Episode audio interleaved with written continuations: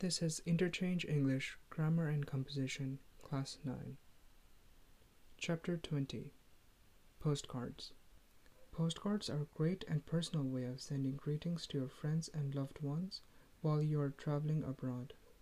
People often write and send postcards from the destinations they visit. However, you can write a postcard from your hometown to the people who are far away. When you are away from home on a holiday, it can be nice to write some postcards to let people see what the place you are in is like, to let them know that you are thinking of them. It is always better to turn your travel clicks into personalized postcards for friends and family at home by writing your text message on the other side. However, ready made postcards are also available. Postcards are pretty informal and thus you do not need to worry about writing long and formal sentences. Contractions are very common in postcard writing. Instead of writing I am having a nice time here, you can simply write having a nice time or we're having a nice time here. Look at what a postcard looks like. The postcard is a rectangular piece of paper with on the left side it's empty and on the right side there are a few lines and there's a space for stamp on the top right corner. Read the following postcards. There are a total of three postcards shown. In the first postcard, on the left side, there's a small letter, and on the right side, there's the name and the address on the bottom right side, and on the top right side, there's a stamp. On the left side, the paragraph says, Dear Rishika, I'm on a holiday at last. My dad has bought a cottage in Chitwan. It's really beautiful. We've visited Sauraha and I've taken lots of photographs. I haven't read any books because I've been very busy. What about you? Have you made any plans for your holiday? Write soon. Love, Sabina. In the second postcard, on the right side, the top right side, there's a post stamp, and on the bottom right side, there's the name and address. The left side, there's a long paragraph. It says, Dear David, Ireland is so amazing. Today we visited the cliffs of Moher, which are big cliffs looking out over the Atlantic Ocean. We have eaten a lot of stew and potatoes. We also visited a town called Cobb, where the Titanic stopped before it hit the iceberg. Ireland is very wet and rainy. I hope you're having fun in the UK. Love, Jenny. In the last postcard, on the right side, there is the name and the address, and in the bottom right side, there's the post stamp. The left side, there's a paragraph that says, Dear Grandma, I'm on a holiday in London. There are lots of things to see and do.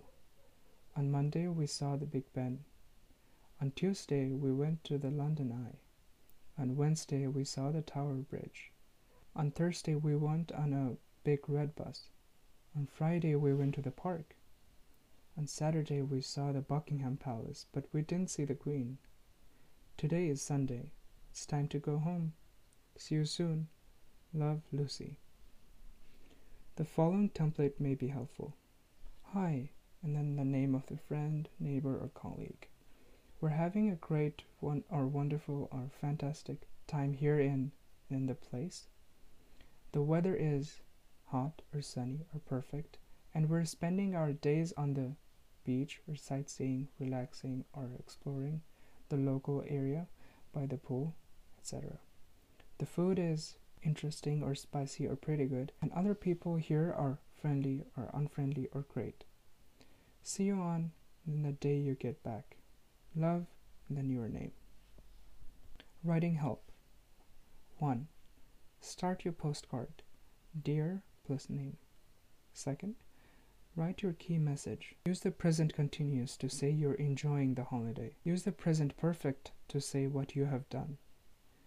Use going to for your future plans. Third, a good way to finish a postcard.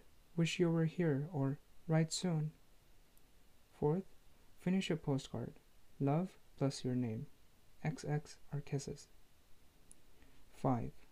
Write the recipient's name, address on the right side of the card. Don't forget to write down the country if you're sending it to or from another country. 6. Leave space for the stamp. Show what you know. 1. You're on a holiday. Write a postcard to your best friend. Look at these questions for help. Have you visited any places? Have you been to a restaurant? Have you seen something interesting? Have you eaten or drunk anything unusual?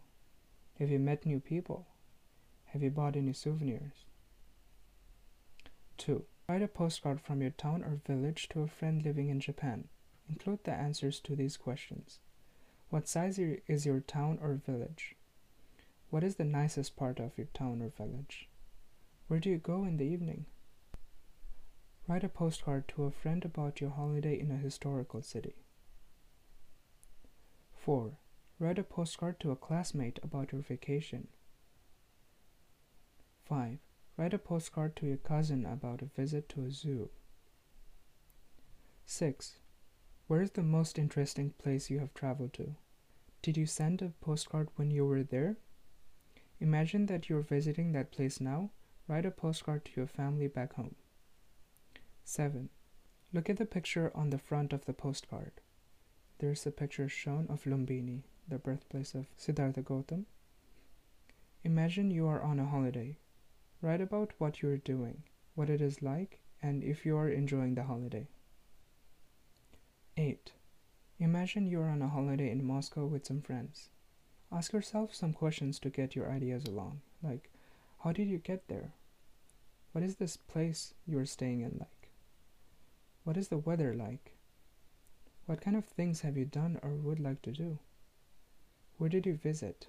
Now, write a postcard to your class teacher back at your school. End of chapter 20.